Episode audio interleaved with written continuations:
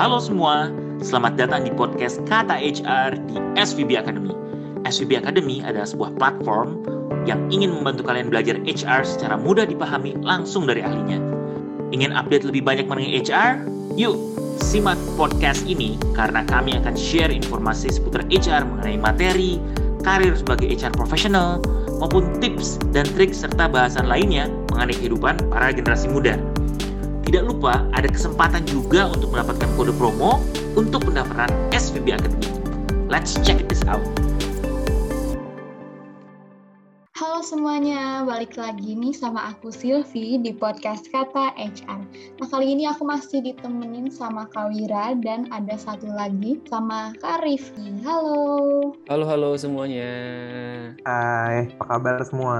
Baik, baik. Oke, kalau minggu lalu kita bahas tentang beasiswa S2, nah minggu ini kita akan bahas mengenai hal-hal yang perlu dipikirkan nih sebelum kuliah S2. Nah, kenapa sih kita harus mempertimbangkan segala hal sebelum memulai S2? Supaya niat kita kuliah S2 itu nggak cuma di awal aja, tapi bisa kuat sampai akhir, sampai wisuda kan gitu harapannya. Nah kan sayang ya kalau misalnya kita niatnya nggak terlalu kuat, terus berhenti di tengah jalan. Sedangkan udah mengorbankan banyak hal pastinya di awal mengorbankan waktu, ngorbanin biaya, dan lain-lainnya. Nah, mungkin dari beberapa pendengar juga ada yang sekarang udah di penghujung semester kuliah S1 dan mungkin ada banyak yang sedang kebingungan nih pilihannya apakah setelah lulus mau langsung bekerja atau misalnya mau langsung kuliah S2 gitu. Nah, sebelum kita tanya ke pertanyaan intinya nih, aku pengen tanya dulu nih ke Kak Wira dan Kak Rifki. Kayak aku tuh sering banget dengar kalau misalnya S2 itu cuma untuk orang-orang yang pintar. Emang iya Kak Rifki? Boleh dijawab nih. Oke, okay. uh, pertama aku secara gamblang pasti bilang enggak sih, karena namanya kita sekolah kan emang supaya pintar gitu kan. Awalnya mungkin kita tidak tahu kuliah, akhirnya tahu gitu kan sebenarnya fungsinya adalah itu gitu. Jadi sebenarnya enggak, tapi kalau mau jadi pintar uh, mungkin bisa gitu. Kenapa mungkin? Karena ada juga orang-orang mungkin S2 cuman main-main aja ada juga gitu dan akhirnya mungkin kuliahnya nggak bener gitu ya. Lulusnya juga mungkin uh, lama banget atau seperti apa karena balik lagi tidak terlalu serius gitu ngejalaninnya. Ada juga gitu. Jadi sebenarnya enggak untuk yang pintar, tapi kalau mau jadi pintar bisa banget gitu. Karena mungkin dengan S2 itu kita bisa unlocking a lot of opportunity gitu ya. Semakin besar lah peluang-peluang kita yang bisa kita ambil baik di dunia kerja atau let's say misal kita mau jadi peneliti, dosen, dan lain banyak lah opsinya akan terbuka kalau kita S2. Itu sih kalau dari aku. Oke, iya sih benar juga. Mungkin boleh dari Kawira tanggapannya. Oke, kalau aku juga cenderungnya cukup setuju sama Rifki ya. Karena gini sih, kalau kita bilang pinter itu kan apa ya, mungkin teman-teman ada yang pernah dengar jenis intelligence itu kan ada banyak gitu kan. Jadi pasti akan selalu relatif gitu. Maksudnya adalah pinter yang dimaksud di sini apakah dia memang cepat berpikir atau dia bisa mengingat hal-hal dengan baik atau gimana kayak gitu kan. Nah, kalau menurut aku instead of itu yang lebih penting atau lebih jadi prasyarat mungkin ya dari orang yang melanjutkan kuliah S2 itu adalah dia mau belajar sih, betul kata Rifki gitu ya. Karena ya memang kalau kuliah itu tujuannya untuk belajar kayak gitu. Kalau misalnya dia mungkin IPK-nya bagus kayak gitu. Waktu S1 gitu kan itu biasanya jadi satu salah satu standar yang oh anak pinter nih gitu kan. Tapi yang harus dilihat lagi adalah gimana nih behavior dia kalau lagi belajar kayak gitu. Semangat nggak? Dia mau nggak untuk apa namanya puttingin effort nih untuk melakukan pembelajaran pembelajarannya kayak gitu nah dari itu kalau buat aku sendiri instead of pinter gitu ya harus orang-orang pinter nih yang masuk situ tapi kalau menurut aku sebenarnya lebih ke harus orang yang mau belajar sih gitu Aku setuju sih kalau itu. Lebih ke semangat belajarnya harus ada karena harus menyelesaikan pembelajaran di S2 itu ya kayak. Oke, kalau gitu kita langsung aja nih ke next question. Apa aja sih yang perlu dipikirkan sebelum kuliah S2? Boleh dari Kawira dulu kali. Oke, mungkin kalau dari aku, aku mau share ada beberapa hal gitu ya. Mungkin yang pertama uh, teknisnya dulu gitu. Teknisnya itu adalah anggap aja 5W1H deh. What, why, when, where, who, how. Ya, kayaknya itu ya. 5W1H. Oke, yang pertama what. Kita mau belajar apa sih kalau misalnya kita mau melanjutkan ke S2 kayak gitu. Nah, ini harus dipikirkan benar-benar teman-teman karena apa yang kita pelajari kalau misalnya di kuliah S2 itu biasanya akan sangat erat kaitannya dengan jenjang karir yang kita pengen atau yang kita lagi jalanin gitu ya. Ini kan mungkin konteksnya untuk teman-teman yang baru lulus S1 gitu ya. Maka dari itu kalau misalnya teman-teman mempertimbangkan mau di kuliah S2, pastikan matang nih pemikirannya mengenai nanti kita mau belajar apa sih. Karena diusahakan harus sesuai dengan jenjang karir yang kita pengen kayak gitu. Terus where? Nah, di mana kita mau kuliah gitu ya? Apakah di dalam negeri atau di luar negeri, di kota tertentu atau misalnya ada apa itu tertentu gitu ya yang eh, teman-teman ingin tuju. Ini juga erat kaitannya dengan apa yang ingin kita pelajari itu tadi kayak gitu. Jadi kalau misalnya kita mau belajar, let's say mau teknik sipil kayak gitu pasti udah ada beberapa universitas-universitas atau misalnya negara-negara kalau misalnya mau keluar negeri yang sering dianggap sebagai center of knowledge-nya lah untuk ilmu tersebut kayak gitu. Terus when when ini juga penting karena kita juga harus tentu ini apakah ini tadi ya mungkin uh, terkait dengan apa yang Silvi sempat bahas juga ya apakah kita mau kuliah itu S2 itu setelah lulus S1 langsung uh, daftar lagi atau misalnya mau kerja dulu atau misalnya ada pertimbangan lain kayak gitu. Nah itu juga harus dipikirkan dan dipersiapkan.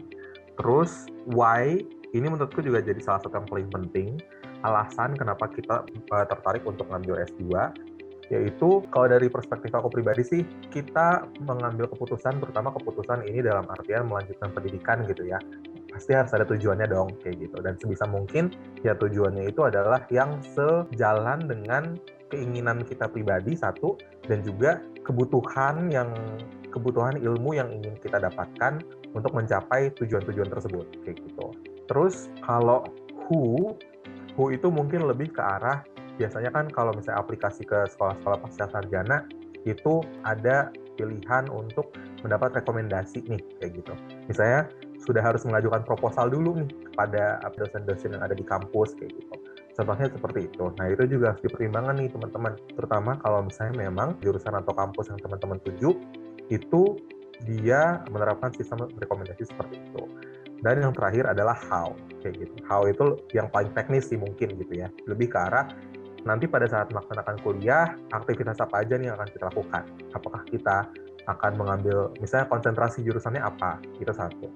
Terus dua, subjek-subjek apa aja yang akan kita ambil topik tesis nanti akan seperti apa. Dan juga mungkin how will we support ourselves waktu kita kuliah kayak gitu. Gimana caranya kita menopang diri sendiri? Apakah kita nanti akan kuliah menggunakan biaya sendiri? Apakah atau dengan beasiswa dan lain-lain? Jadi kalau dari aku kayak gitu sih Sil. Oke. Nah tadi sempat disinggung juga kalau misalnya tesis itu harus sudah dipikirin ya dari awal kan um, kalau itu sebenarnya gini aku mau share sedikit sama teman-teman juga. Umumnya seperti itu teman-teman mungkin nggak semua, tapi ada banyak prodi pasca sarjana yang pada saat mereka eh, menerima mahasiswa baru atau seleksi mahasiswa baru gitu ya, itu mereka meminta atau merequest dokumen misalnya proposal tesis atau atau paling tidak area riset yang ingin kita tuju itu ke mana kayak gitu. Itu akan jadi penting satu karena itu juga me melihat motivasi kita gitu ya bahwa kita tuh bener-bener mau ngambil pasca sarjana tuh serius kayak gitu. Nggak cuman kayak ah gue pengen sekolah A atau gue pengen gengsi A kayak gitu. Jadi dilihat juga nanti intensinya seperti apa untuk mengembangkan ilmu di bagian mana sih misalnya kayak gitu. Itu cenderungnya adalah untuk S2 yang general ya. Mungkin aku nggak tahu ada banyak tipe master's degree mungkin ada yang executive degree mungkin memang diperuntukkan untuk taktisi gitu ya mungkin mereka nggak research tapi lebih ke arah praktek bisnisnya kayak gitu jadi menurut aku layak juga untuk dipersiapkan sih apa namanya mengenai topik-topik yang ingin kita explore pada saat kuliah gitu sih. Oke, okay, thank you banyak Kak Wira, banyak banget insight barunya.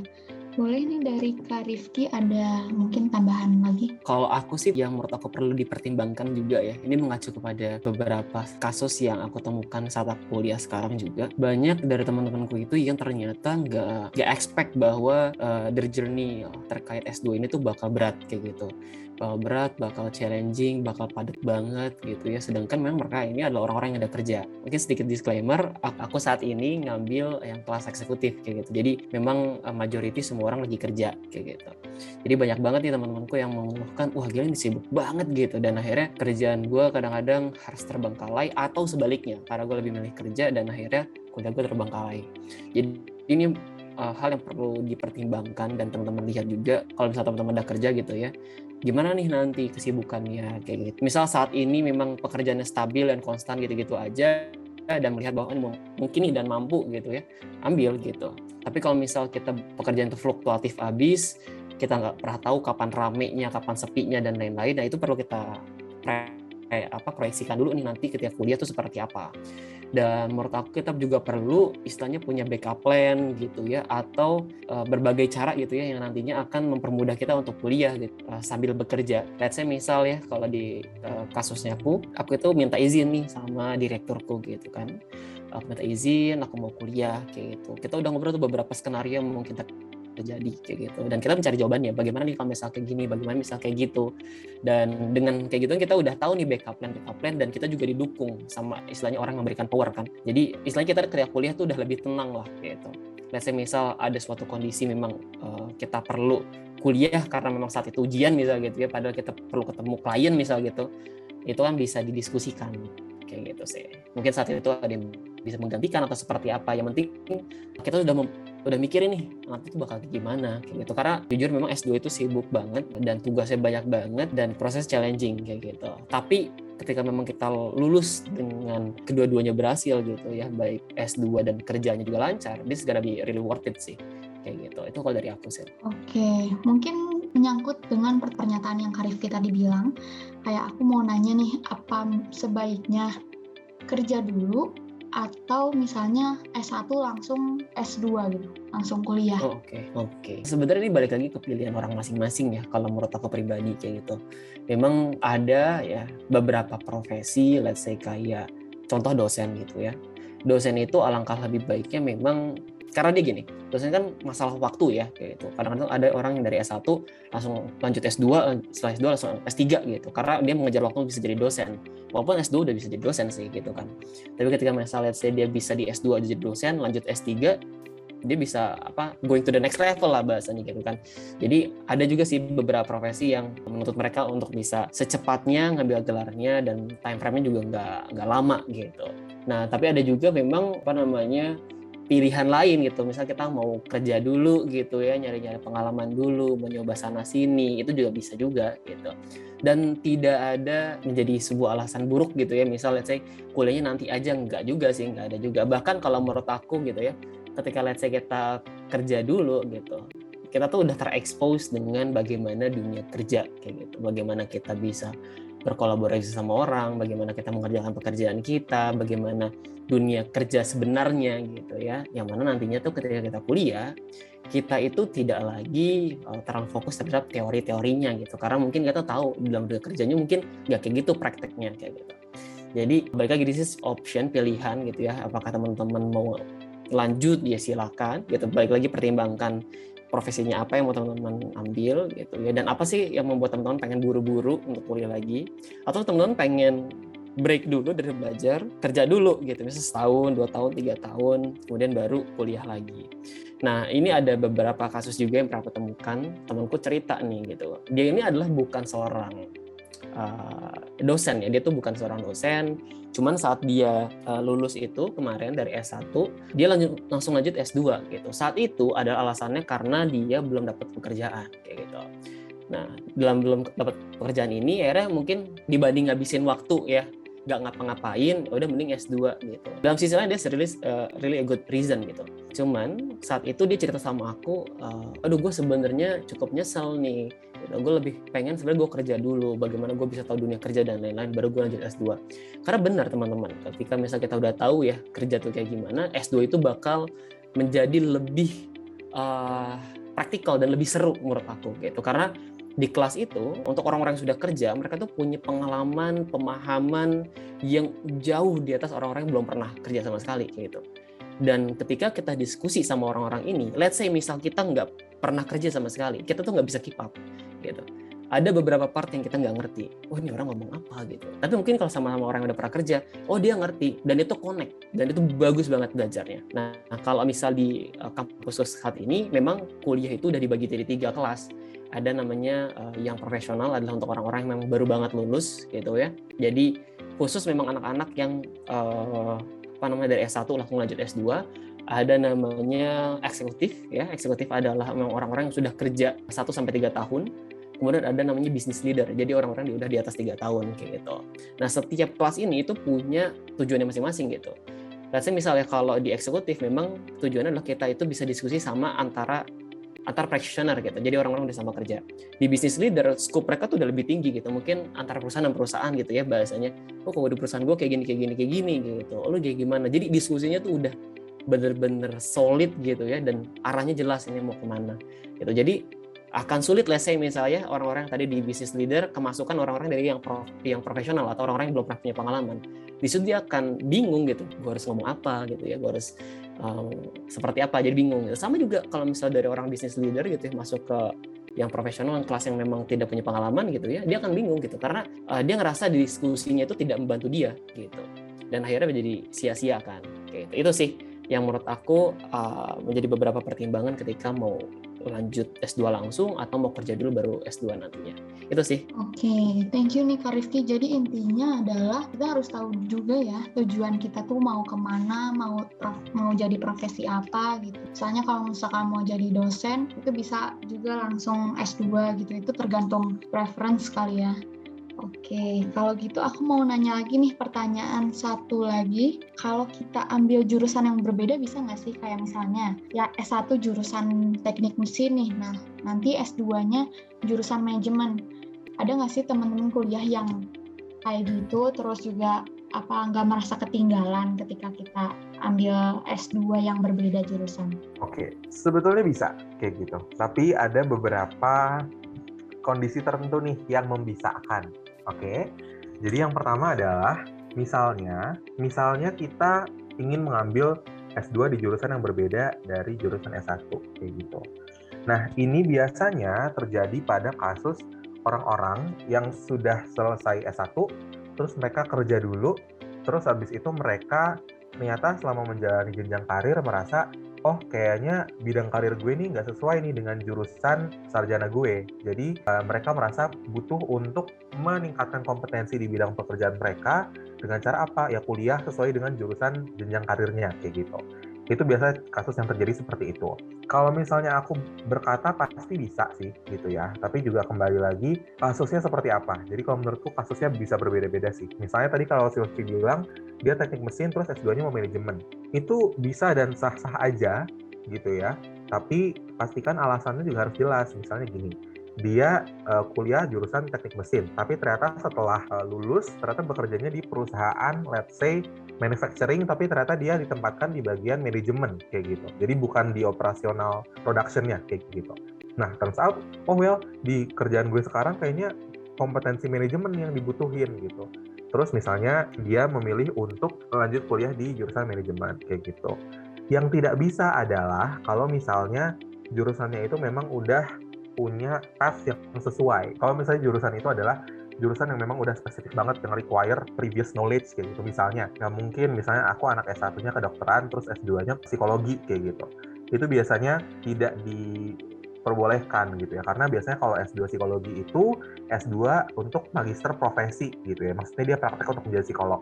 Ya kalau misalnya sarjananya bukan sarjana psikologi, uh, impossible. Bahkan untuk masuk pun juga susah kayak gitu biasanya jurusan-jurusan yang menerima cross major itu adalah jurusan-jurusan yang memang sifatnya lebih apa ya pengetahuannya itu lebih umum contohnya bisa aja manajemen atau komunikasi gitu ya atau memang jurusan-jurusan yang disiplin ilmunya itu alirannya adalah corporate kayak gitu. Kalau misalnya jurusan-jurusan yang disiplin ilmunya itu cenderung lebih saintifik atau akademis gitu ya, nah misalnya teknik gitu ya. Jurusan teknik pasti dia hanya menerima anak yang S1-nya teknik juga kayak gitu. Karena banyak banget basic knowledge yang akan sulit banget untuk dikejar oleh seseorang yang bukan anak teknik kayak gitu. Itu contoh aja nih dari aku. Um, kalau dibilang bisa, ada kasus-kasus tertentu yang bisa kayak gitu. Aku juga sekarang sedang apply untuk sarjana gitu ya dan kebetulan uh, salah satu contohnya aku sendiri aku juga lagi mau apply untuk S2 gitu ya dan kebetulan jurusan tujuanku tuh beda sama jurusan sarjanaku kayak gitu. Aku sarjana hubungan internasional, tapi mau apply S2-nya magister manajemen. Kenapa? Karena sekarang jenjang karirku di bidangnya manajemen SDM kayak gitu.